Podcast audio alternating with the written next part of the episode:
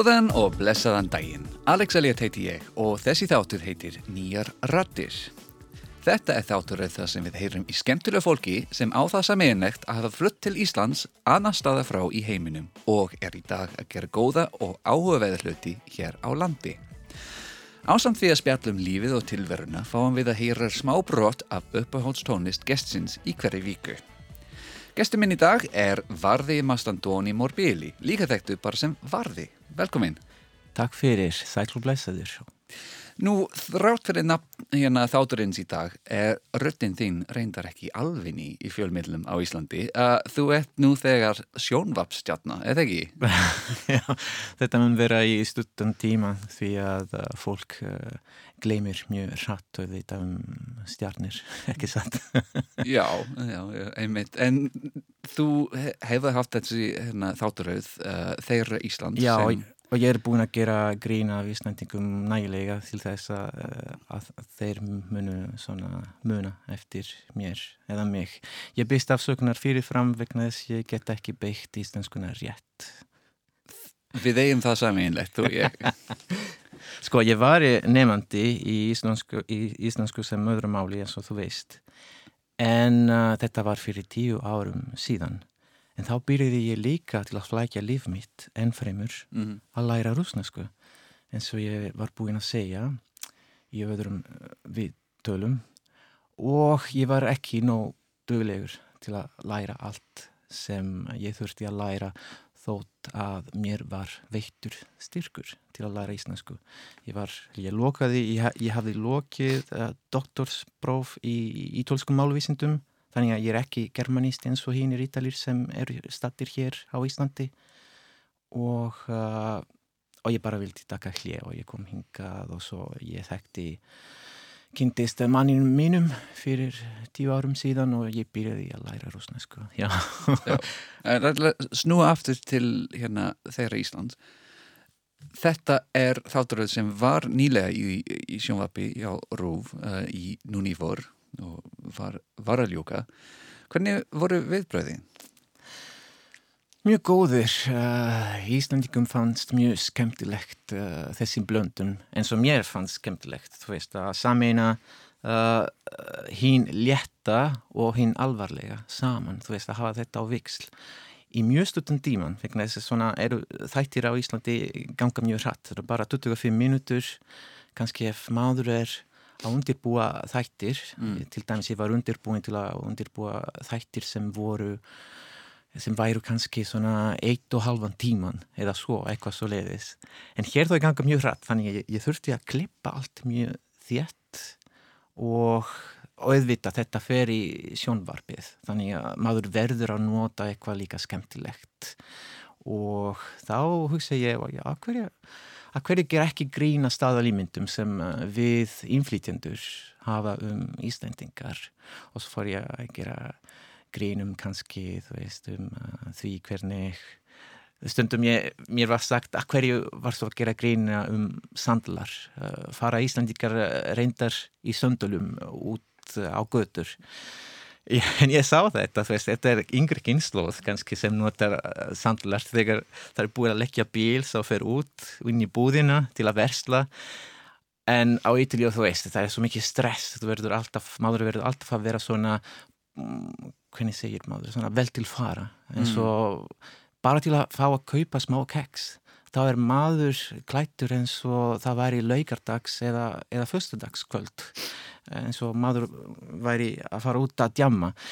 Bara til að köpa smá keks og alltaf þetta svona fín make-up og svo framvegis. En Íslandingum er alveg sama og ég er gladur að þetta sé svo vegna þess að það var ekki svona stressi til að vera alltaf svona perfekt og vel til fara og já, en líka maðurinn minn í, í þessa þátt var að gera líka grína þessu bara Íslandikar eru bara mjög aðslappaðir þegar þau fara út.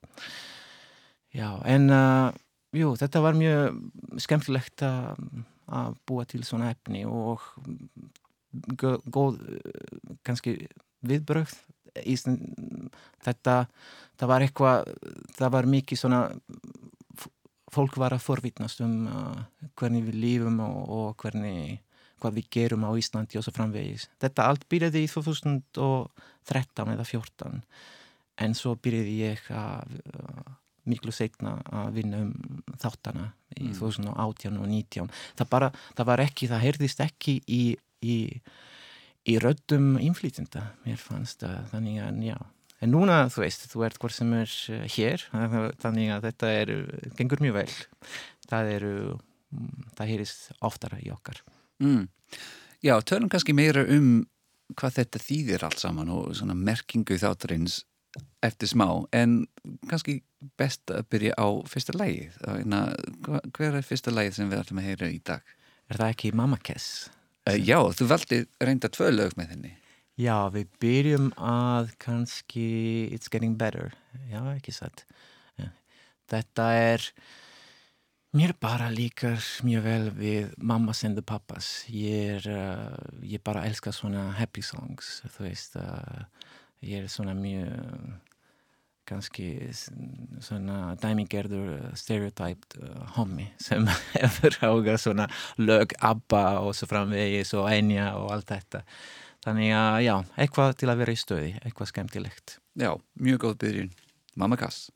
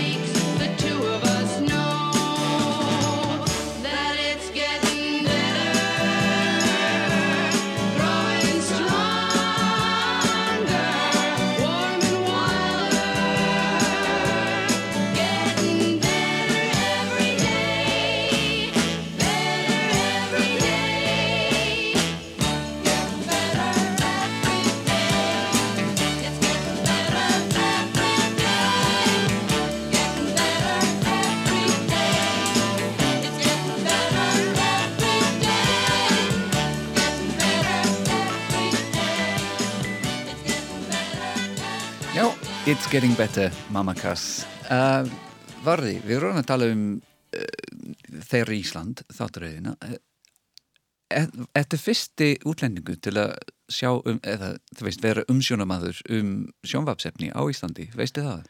Já, ég held það, já. Um, Ég held að ég sé fyrsti sem hefur komið í sjónvarp Mér, Hvað þýðir það?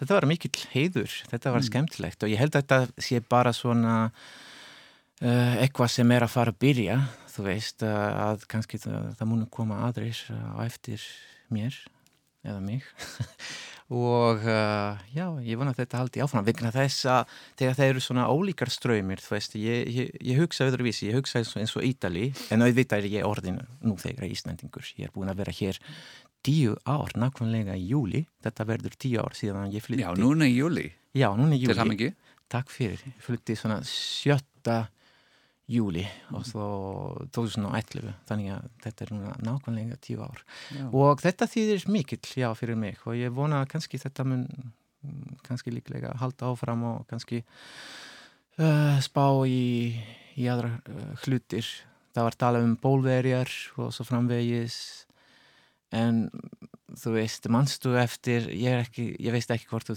þú sér búin að horfa þetta skemmti atriði þar sem var svona þessi teparti, matarbóð mm. þar sem við vorum allir að, að þérast hvort annan vegna þess að það er svona skemmtileg saga um þetta þú veist að fólk sem fer í íslenska íslensku sem annað mál íslensku sem öðru máli hér á Íslandi þau eru að undirbúa sig með því að vera á netinu og fylgjast með uh, uh, Icelandic Online. Mm. Icelandic Online er eitthvað sem Úlvar uh, bjóð til og, og aðrir við Háskóla Íslands og já, Úlvar Bragason og uh, já, þetta er svona góð undirbúing fyrir, fyrir, fyrir fólk sem læri þetta hvar sem er í heimilun og svo kemur hingað til, til Íslands til að halda áfram vinnámið og vera bara í íslensku sem öðru máli eins og, og uh, þetta er svona þryggja ára um, bea námskeið Mm -hmm. og ég fór í þetta þótt að ég var í nú þegar svona, svona með uh, doktorsnámi í ítölsku, ítölskum málvísindum og ég er að kenna núna í ítölsku við Háskóla Íslands og en til að undirbúa mig var ég búin að nota bara lingvafón námskeið frá sjötta eða sjönda áratug síðustu aldar. Þannig að allir voru að þérast þar og hugmyndirnar mínar um samfélagið voru þessar að þérum var ennþá í disku og svo framvegis. Og það voru mjög, mjög fallegar rattir, djúpa rattir sem ég, uh, sem ég hitti svona þar í fyrsta skipti þegar ég, ég fór að, uh, að læra íslensku. Þetta voru hvar uh, Robert Arn Arnfinsson, Herdis Þorvaldsdóttir, Elga Bakmann og Helgi Skílasson. Þetta voru mjög gamlar uh, reyndar bara leikarar. mm. Þannig að voru, þetta voru leikararrattir. Þannig að það var nú að ávaf framburðurinn, þú veist, uh, blanda saman með uh, hardmæli, þú veist, eitthvað sem kemur aðsundan og eitthvað sem kemur aðnordan. Þannig að þetta var alveg tilgerðarlegt. Þetta var svona einhvers konar svona standardmál sem var í kannski að fara myndast á Íslandi og svo myndaðist ekki þótt að uh, háfa framburðurinn helt áfram uh, hjá sem fólki sem vinnur hjá Rúf til dæmis. En ég var, ég held að þú veist en þú eru alltaf að þérast hafið þér gaman af að dansa. Já mjög. Og hafið þér borðað vel. Og, og svo framvegis. Þannig að ég, ég held að það var svona fél, félag en svo, svo litið svona Victorian Society. En þá kom ég hingað og, og þérum var alls ekki notað og fram, svo, svo framvegis Mm. nema þegar það eru slæmar fréttir þegar það haft að borga skatt eða uh, maður fær uh, svona sekt og svo framvegis. Uh, en við bara ekki svona að stopna félag þar sem þérun er aftur í disku, ekki satt Alex? Og kannski ekki aðeins þegar þeir eru slæmar fréttir og líka þegar þeir eru góða fréttir kannski því að þérun, það er ekki dáin, þetta er ennþá til í, í skriflegu máli en alltaf þegar það er svo mikið svona distans fjarlægi og þegar það eru slæmar fréttir reyndar.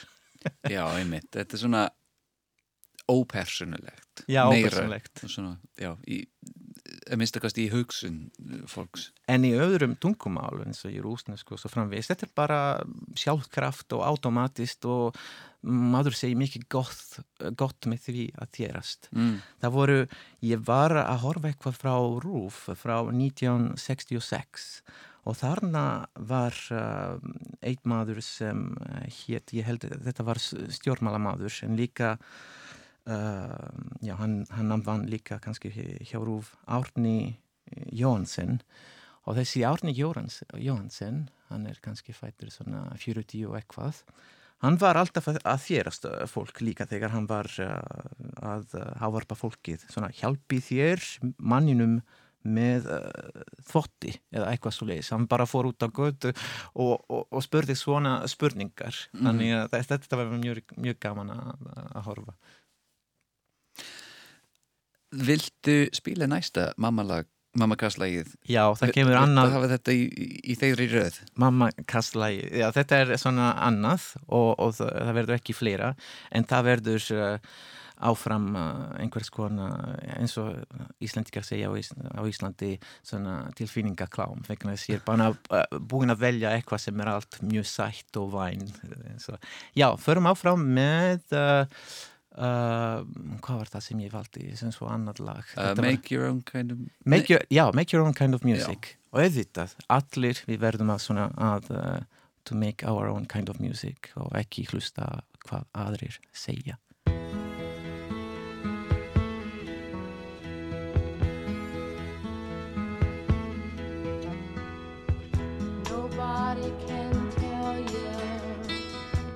There's only one song try and sell you,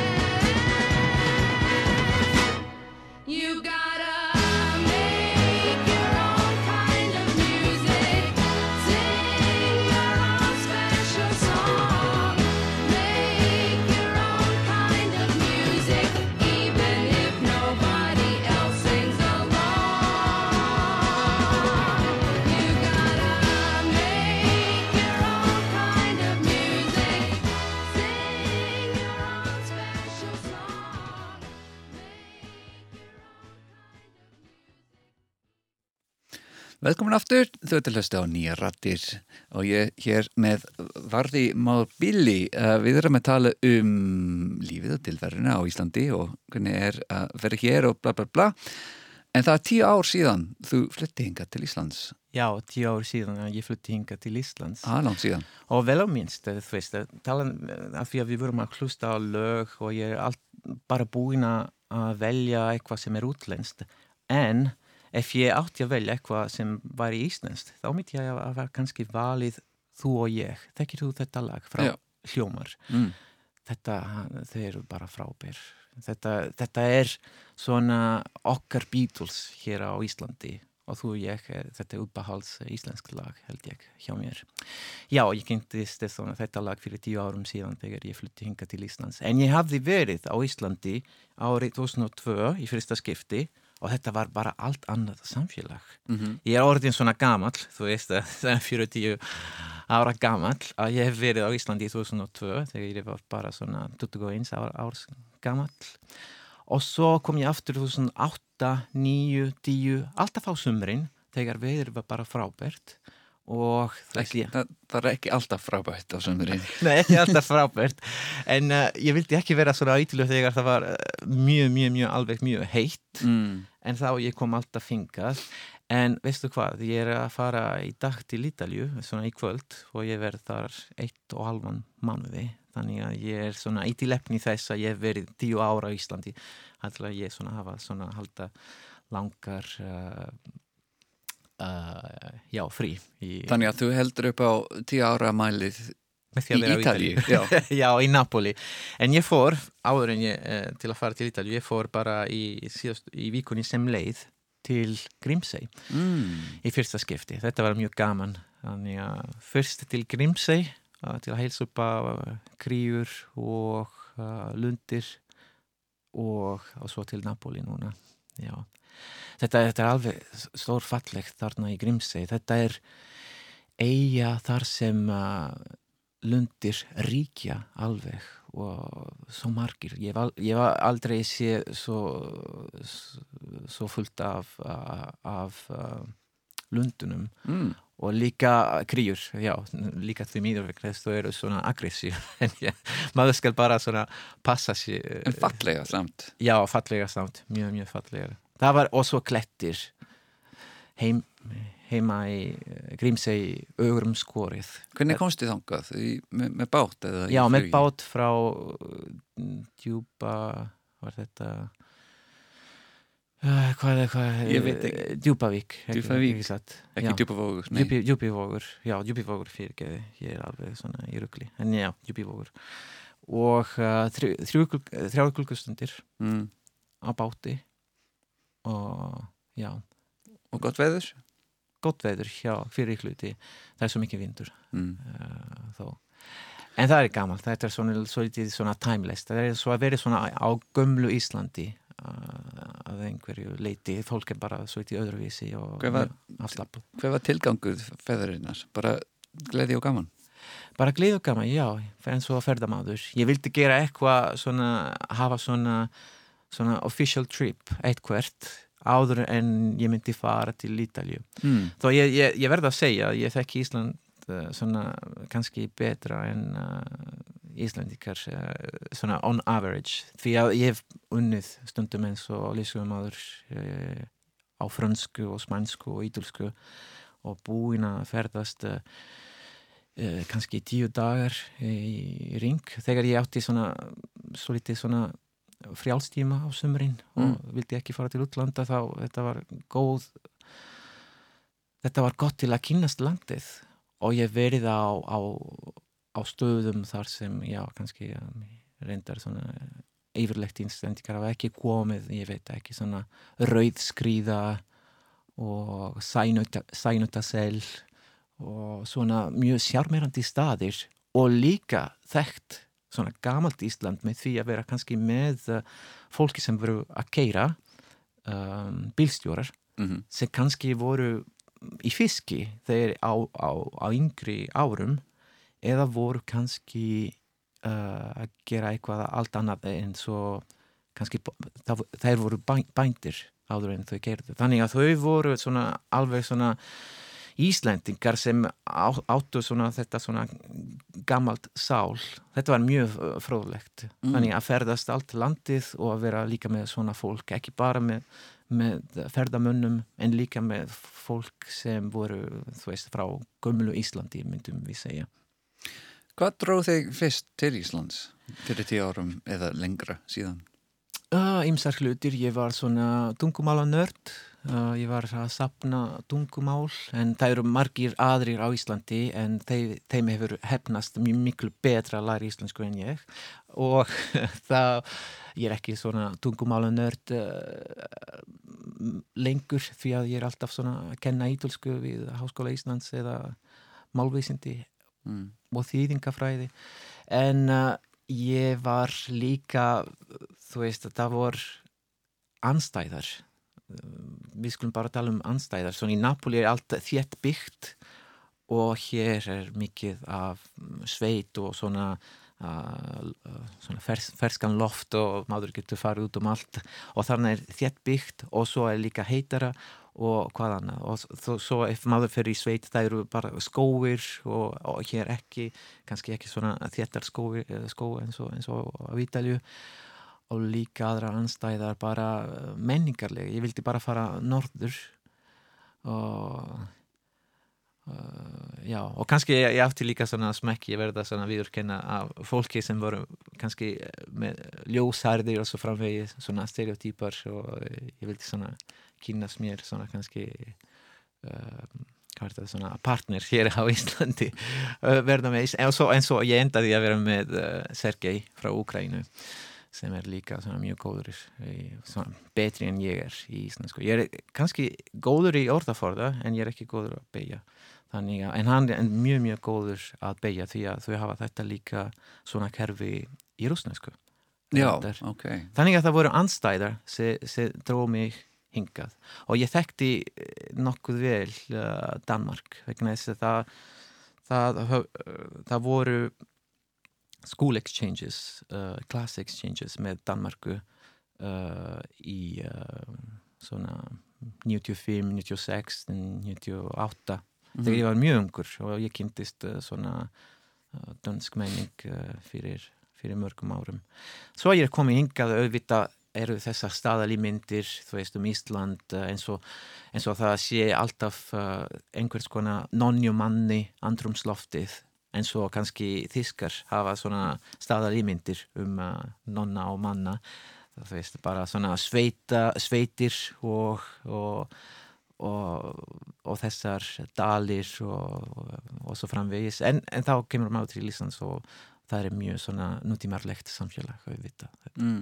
ekki svona romantist eins og svona í sviss postkart Já, og svo er lífið, já eins og þú segir bara, lífið er venjulegt Já, venjulegt Já. Næst á tónlistalistan tónlistalistanum já, er lag sem heitir Souvenir eða ekki? Já, þetta er eitthvað uh, sem er vintage og uh, þetta er svo mikið með nostalgíu um uh, 80's, nostalgíu myndi ég segja, já, til að dröma svo litið um 80's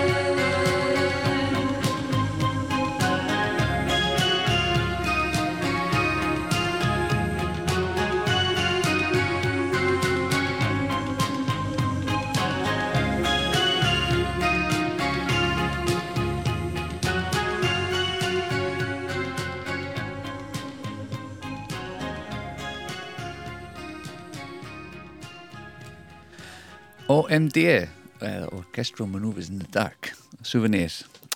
Uh, Varri einn af ástæðum fyrir því að þú flutti til Íslands var að kynast fólkinu og bara einn af mörgum en þá kynntistu russnesku mælandi úkrænumanni og allt breytist Já, allt breytist vegna þess þá uh, vakti hann auðvitað hága minn í að læra rúsnesku ásamt uh, íslensku til að flækja lif mitt. Og uh, líka þetta var kannski leið til að tólka sálina hans, þú veist. Fólk frá Ístur-Európu auðvitað hafa öðruviti þau hugsa öðruvísi en uh, fólk frá kannski miðju-Európu og fólk frá frá, frá Ítalju og svo framvegis. Þannig að þú veist þau eru mjög praktískir og mjög svona beinir og, og ég það var mjög skemmt þess að vita að læra rúsnesku þetta bara opnar glukka um annað viðhorf um, um heimilið. Og uh, þú veist, eh, ekki bara politík en líka allt annað eh, menning.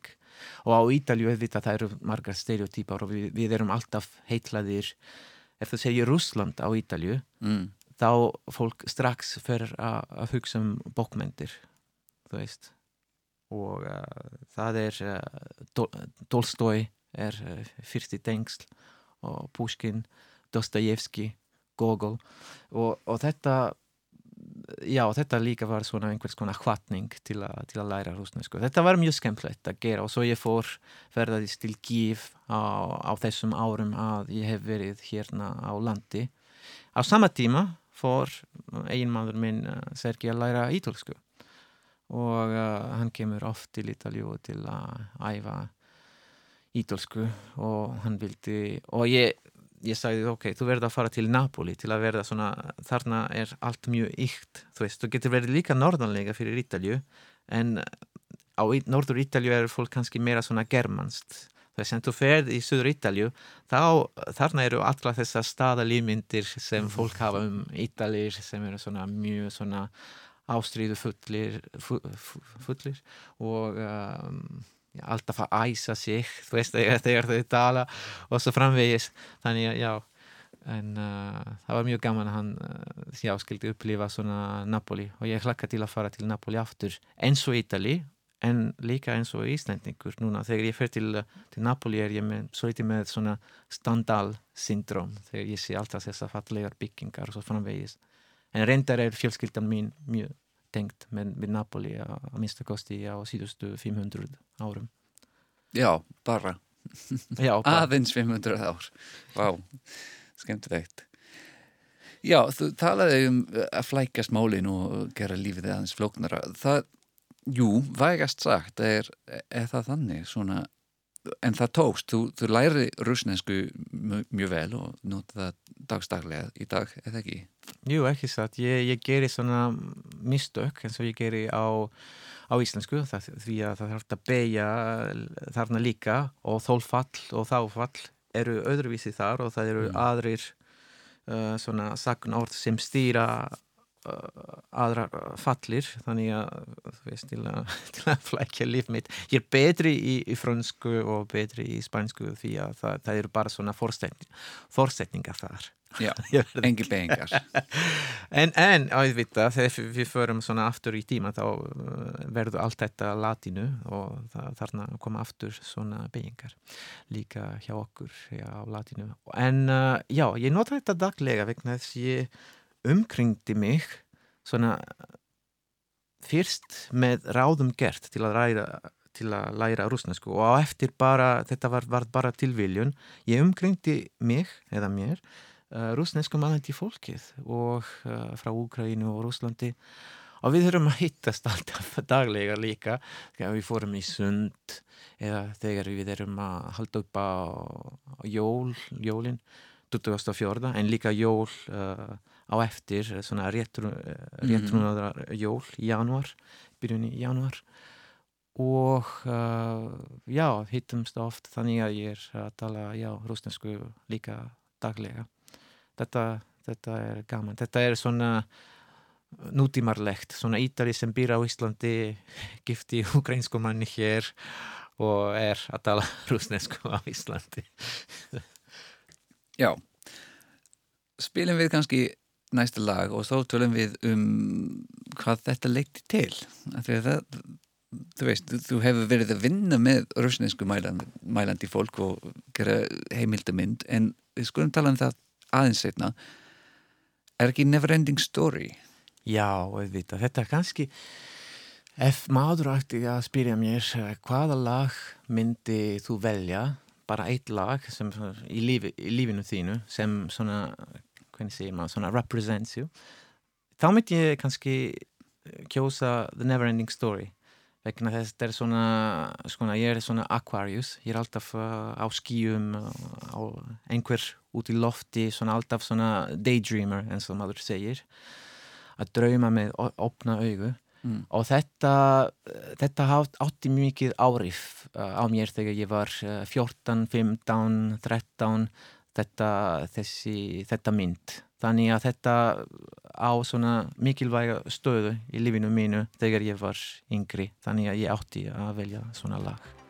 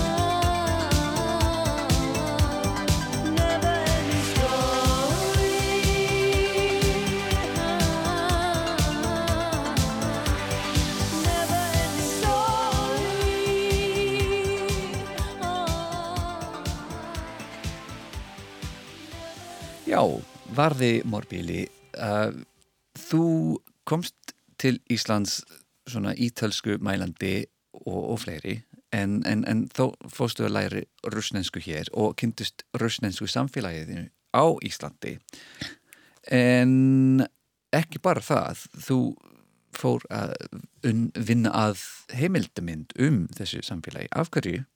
Af hverju fannst þú það svona nógu áhugavert til að gera þetta sem var hugsanlega mjög stórt verkefni? Já, þetta var mjög stórt verkefni. Uh, þættirnir fyrir RÚF og svo þetta líka sem uh, fóra á YouTube þannig að það er hægt að bara leita Uh, stories of Russians in Iceland Their Iceland uh, á YouTube og, og þetta var bara aukaefni uh, auðvitað eins og ég sagði ég, um, ég umkringdi mig rúsnesku mælandi fólkið þannig að í vittölum mínum þá uh, ég kjó, uh, kjósaði líka að tala við rúsnesku mælandi fólkið það, það voru bara í kringum mér. Svona í fyrir hluti eru mjög ungir menn sem, og, og konur sem eru kominir til landsins og og svo setni hluti eru kannski svona fólks frá réttrúnaðarkirkjunni og, og, og um, stopnum sem uh, kannski eru frá eldri kynnslóð og hafa svona öðruvísi kannski líka áhorf og nálgun á, á lífinu. Og uh, já, þetta var auka efni en, en þetta var kannski uh, of mikið þannig að þetta er ekki í þættinum sem fóru í loft á rúf sem maður getur fundið á online. En samt ég vildi hafa setja þetta bara því að þetta var eitthvað svona aukaefni það eru bólverjar sem eru í, á þættinum sem eru fóru á rúf í staði vegna þess að þetta er svona uh, stærsta minnis hluta hóp á landi ég þurfti að tala um uh, bólverja Já, þannig að þetta var saman verkefni. Já, þetta var Þeirra Ísland og þeirra Ísland. Og svo skiptiðist þetta í tvend Fjórar þættir á 25 minútur sem fór í sjónvarp og svona þetta, þessi sérþáttur um rusneskum malandi fólkið uh, sem fór á, á YouTube einfallega Já. Þú varst hvað, tvö ár eða lengur að þessu? Já, tvo ár, vegna þess ég er búin að klippa. Það var máður sem frá Rúslandi sem hjálpaði mér með því að taka með myndatöku og allt þetta en uh, hann bara kendi mér að klippa því að hann skildi ekki íslensku mm. eftir það. Í staði fyrir að koma hingað og kannski fá ástóð hjá Rúf uh, til, til að setja þetta saman, ég bara gerði þetta sjálfan. En auðvitað tók þetta bara lengra tíma því að ég er ekki svona teknimaður ég er manni kannski betri til að kynna efnið og uh, skrifa og vera skapandi en þetta var líka gaman þú veist að setja saman. Þetta var mjög, mjög, bara mjög langt verkefni. Ég myndi frekar hafa svona einhverja til, til að hjálpa mér með klippingu í næsta skipti. En uh, já, það var hugavert. Vegna þess líka þá fór ég að tala við uh, talandi um rúsnesku samfélagi. Ég held að þú séu að fara kannski að byggja réttum eða kirkju í, í Vesturbæ einhver tíman uh, já, þetta er bara svona uh, vel á minnst.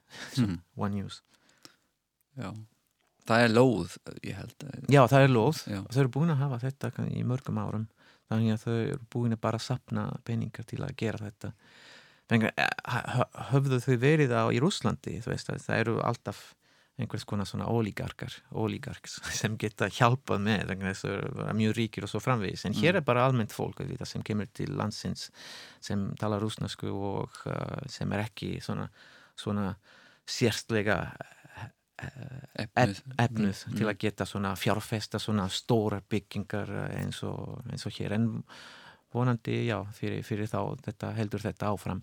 En auðvita, ég er ekki svona Ég er, já, ég, ég trú á Guð og, svo, og, og, allt þetta. En ég er kannski ekki svona beint réttrúnaður, ég er líka svona að hluti svona gýringur eh, en jáfnveil þótt að ég myndi ekki fara kannski, ég er í réttrúnaða kirkju á hverju, já á sunnudögum venjulega, mér finnst gaman að kannski það mun rýsa upp svona kirkjunar og ég segi þér að hverju, að því að þetta er bara skrautning Eh, þetta myndi skreita uh, Reykjavík. Eins og aðrar fallega byggingar sem, myndi, sem eru hér í Reykjavík.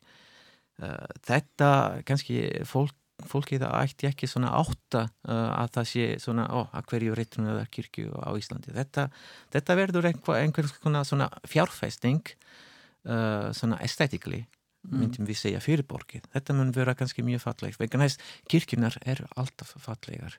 Þannig að það er engan óti að þetta myndi kannski svona skemma landslægið, við skulum segja. Og uh, já, þannig að eins og Ítali auðvitað, mér finnst alltaf gaman þegar það eru gamla byggingar og ég er svona mjög sorgmætur þegar ég sé að það er búið að, að rifja nýður svo margar svona timbruhús og svo framvegis. Mm. Vegna þess að kannski gamla daga þetta var talið einhvers konar svona provincial, þú veist, svona smáborgarlegur að hafa svona timbruhús og svona, svona framvegis, maður vil, vildi hafa steipu en núna eru kannski íslandingar eh, okkar uh, farnir að byrja að, að hugsa á þetta er bara svona mikið svona fjárfesting að þetta svona fisk í andrumsloftið er eitthvað ekkert, ekki til að skammast við. Þetta er eitthvað til að vera stoltir af þessi mm. svona fiskiþorpis andrumsloft, svona grjóta, uh, grjótaþorpið. Þetta er það sem uh, innflýtjendur uh, eða útlendingar eða ferðarmenn sem koma hingað vilja sjá vegna þess að þetta er mikið, telur mikið um uh, sögu Íslands og það þarf það að varveita allt þetta og ekki skamast sín fyrir að vera svona fiskiþorpið. Fiskiþorpið er gott. Akkurat, já. Ertu ekki saman? Jú, jú, mjög mikið og eins og þú segir, þetta var eitthvað viðhorf árið 1950 eða eitthvað, svona að mm -hmm. við þurfum að endur byggja Reykjavík til að vera stóðborg. Og rifja nýð allar þessar svona, þú, uh, Gussi Lóf var búið að svona að svona að svona bjarga svona þessar uh, tímbrúhús sem voru byggdar uh, í byrjunni 20. aldarinnar mm. eða í lók 19. aldarinnar í Gretaþorpi það var mjög fræg konu sem var arkitekt ég man ekki nafni hennar en á 19, hún var alltaf að tala svona in the 90's og early 2000's um hversu mikilvægt er að varveita tímbruhús á Íslandi Já, ég held að fólk er sammála núna sem betur fyrr Jæja um, Julie? Julie Andrews.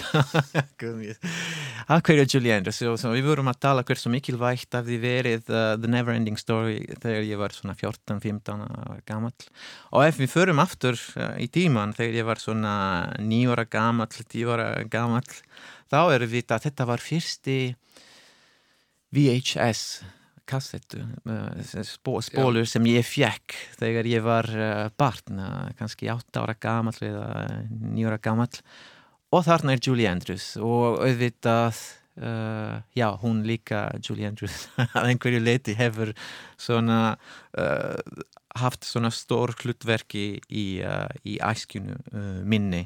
Vita ég, ég við getum kannski tengt Julie Andrews með svona, með svona fallegar fallegar leikkonur eins og Herdis uh, Þorvastóttir og Helga Bakmann, kannski þetta er bara eldri kynslu sem þekkja svona, svona leikonur en uh, já, á Íslandi það er kannski, þar myndi veru ykkar, uh, okkar uh, Julianus hér. In every job that must be done, there is an element of fun. You find the fun and snap, the job's a game. And every task you undertake becomes a piece of cake, a lark, a spree. It's very clear to see that a spoonful of sugar helps the medicine go down, the medicine go down, medicine go down. Just a spoonful of sugar helps the medicine go down in a most delightful way. A robin feathering his nest has very little time to rest while gathering his bits of twine and twig. Though quite intent in his pursuit, he has a merry tune to toot. He knows a song will move the job along.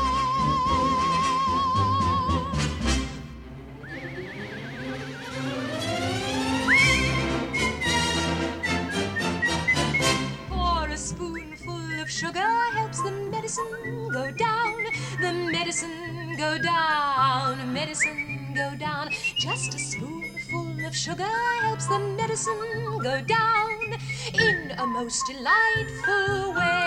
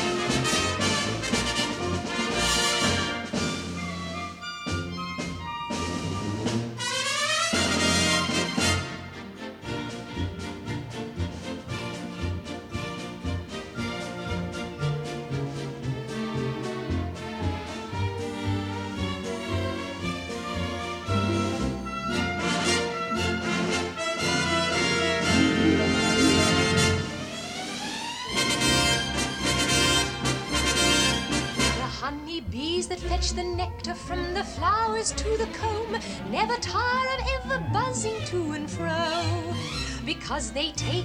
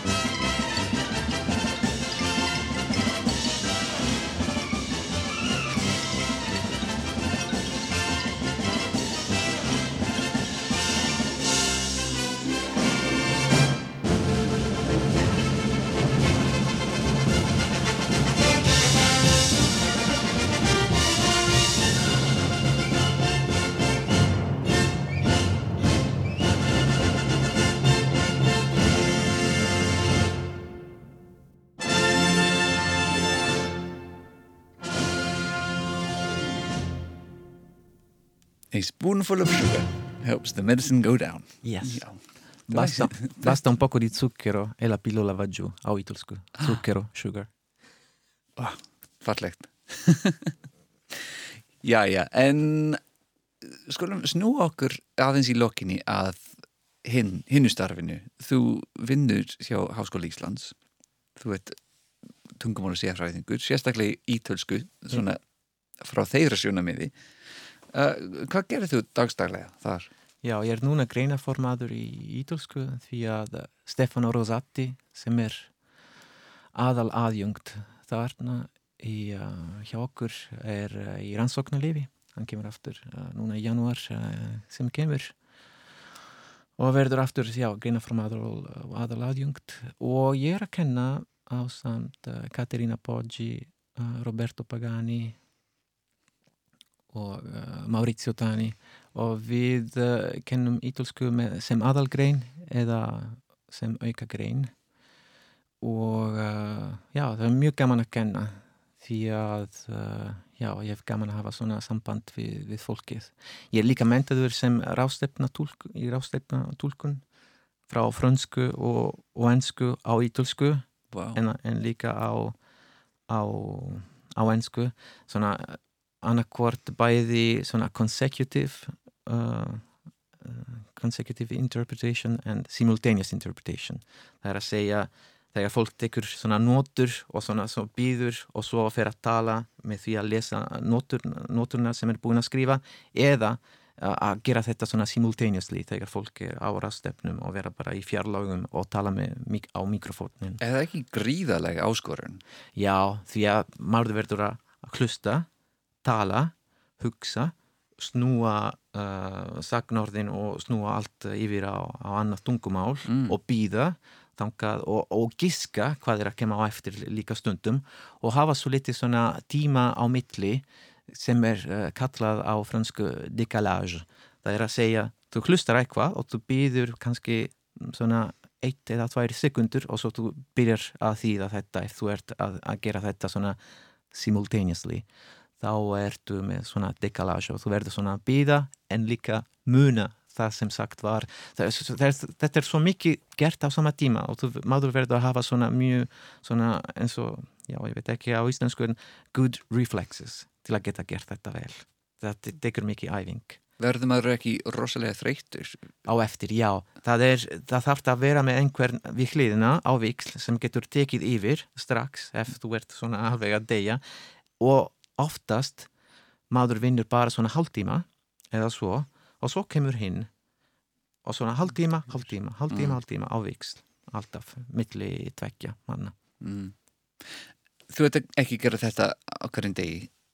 Hvernig er hérna, staða ítölskurnar í, innan Háskóla Íslands? Því að þetta er ekki kannski fyrstu tökumæli sem kemur til, hugsar, til hugar en að sjásögðu Háskóla Íslands er, er stór skóli og fjölbreytt og bara til dæmis hvað er margir nefnendur? Það eru alltaf þetta margir sem skrá uh, sig í, uh, í enskuna Mm. og svo framvegis en uh, þar öðru eða þriðja sæti eða eitthvað svo leiðis kemur líka ítulskuna Glæsilegt. að hverju, er vegna þess alltaf ítalska notar mikillar vinsaldar í heiminn, yfirleitt, ekki bara á Íslandi því að þótt þetta sé, veist, íslensk, ítalskan, ítalskan töluði á Ítalju og í Ticino, kanton Ticino í Sviss og litlum hlutum í útlöndum, þá er þetta aðalega á Ítalju, þá er þetta svona fólk er er að læra ítalsku til þess að uh, ég segi alltaf vegna þess að við séum að uh,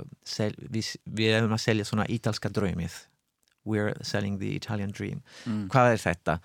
Menning uh, og svona matarmenning og list og uh, joie de vivre og uh, lífsgleði og svo framvegis. Og, og þetta er svona pakki sem kemur allt saman og það er rosalega mjög fallegar bókmentir.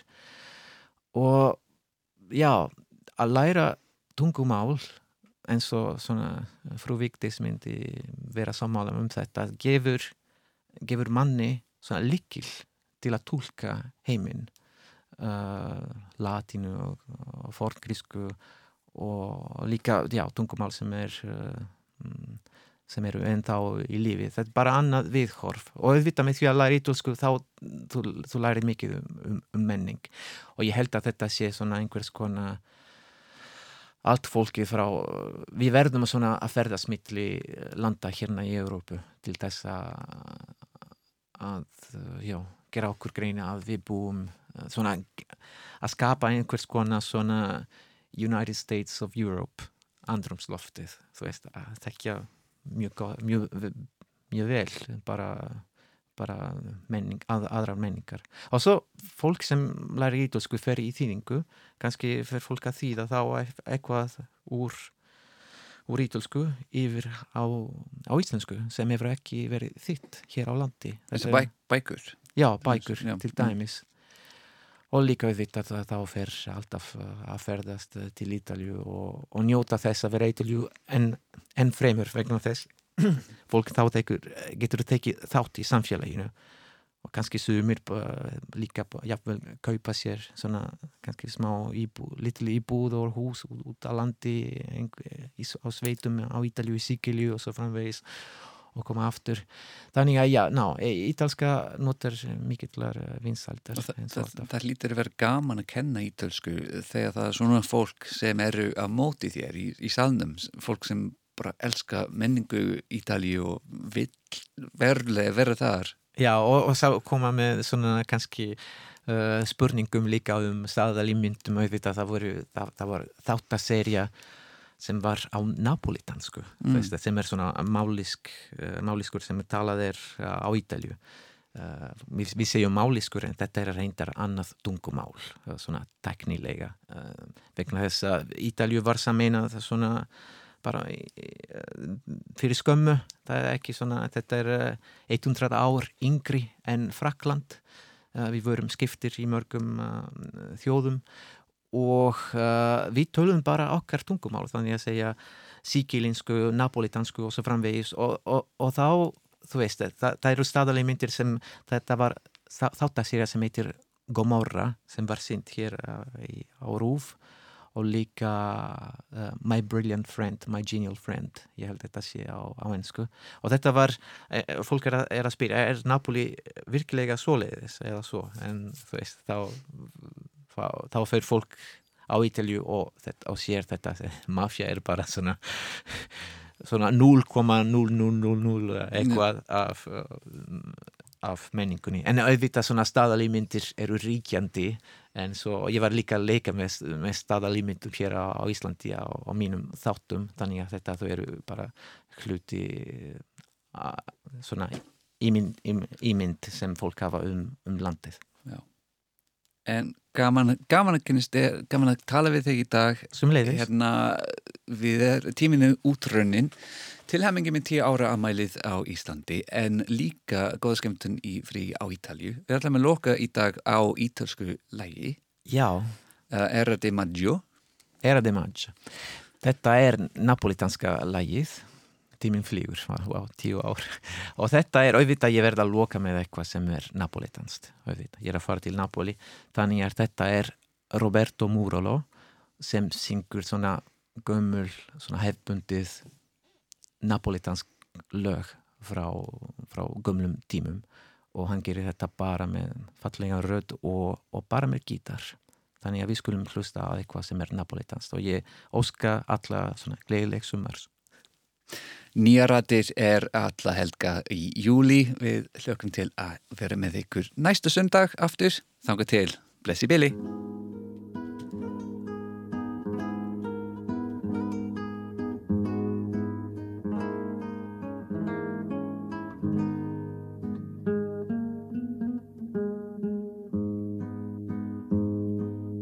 Era de acıttı kaderin sine. Aşk yok aşk yok liçırası Rus Frescherlar tutto luciardine Adorava de rosa cento passi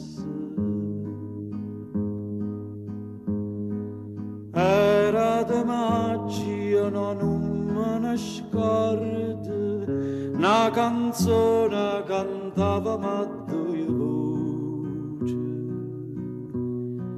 Che il tempo passa e che me non ricordo.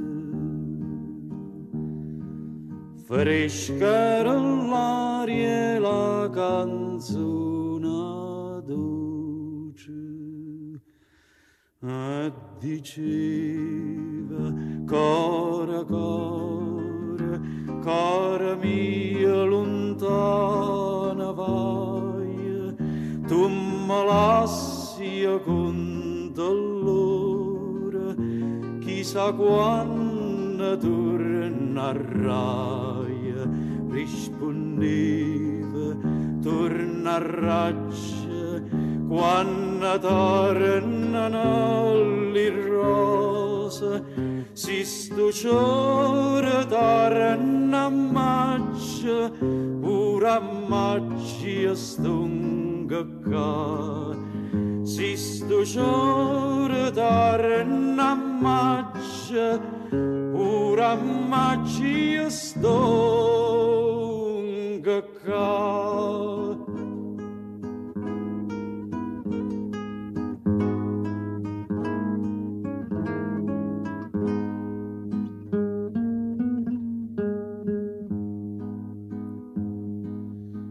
stunga qua sottornate mo come una volta cantammo insieme la canzone antica. Passa lo tempo e lo mondo s'avota ma amore vero no non vota via tutte bellezza mia m'innamorai si da ricorda innanzi alla fontana. L'acqua alla tinta non si secca mai. È ferita d'amore non si sa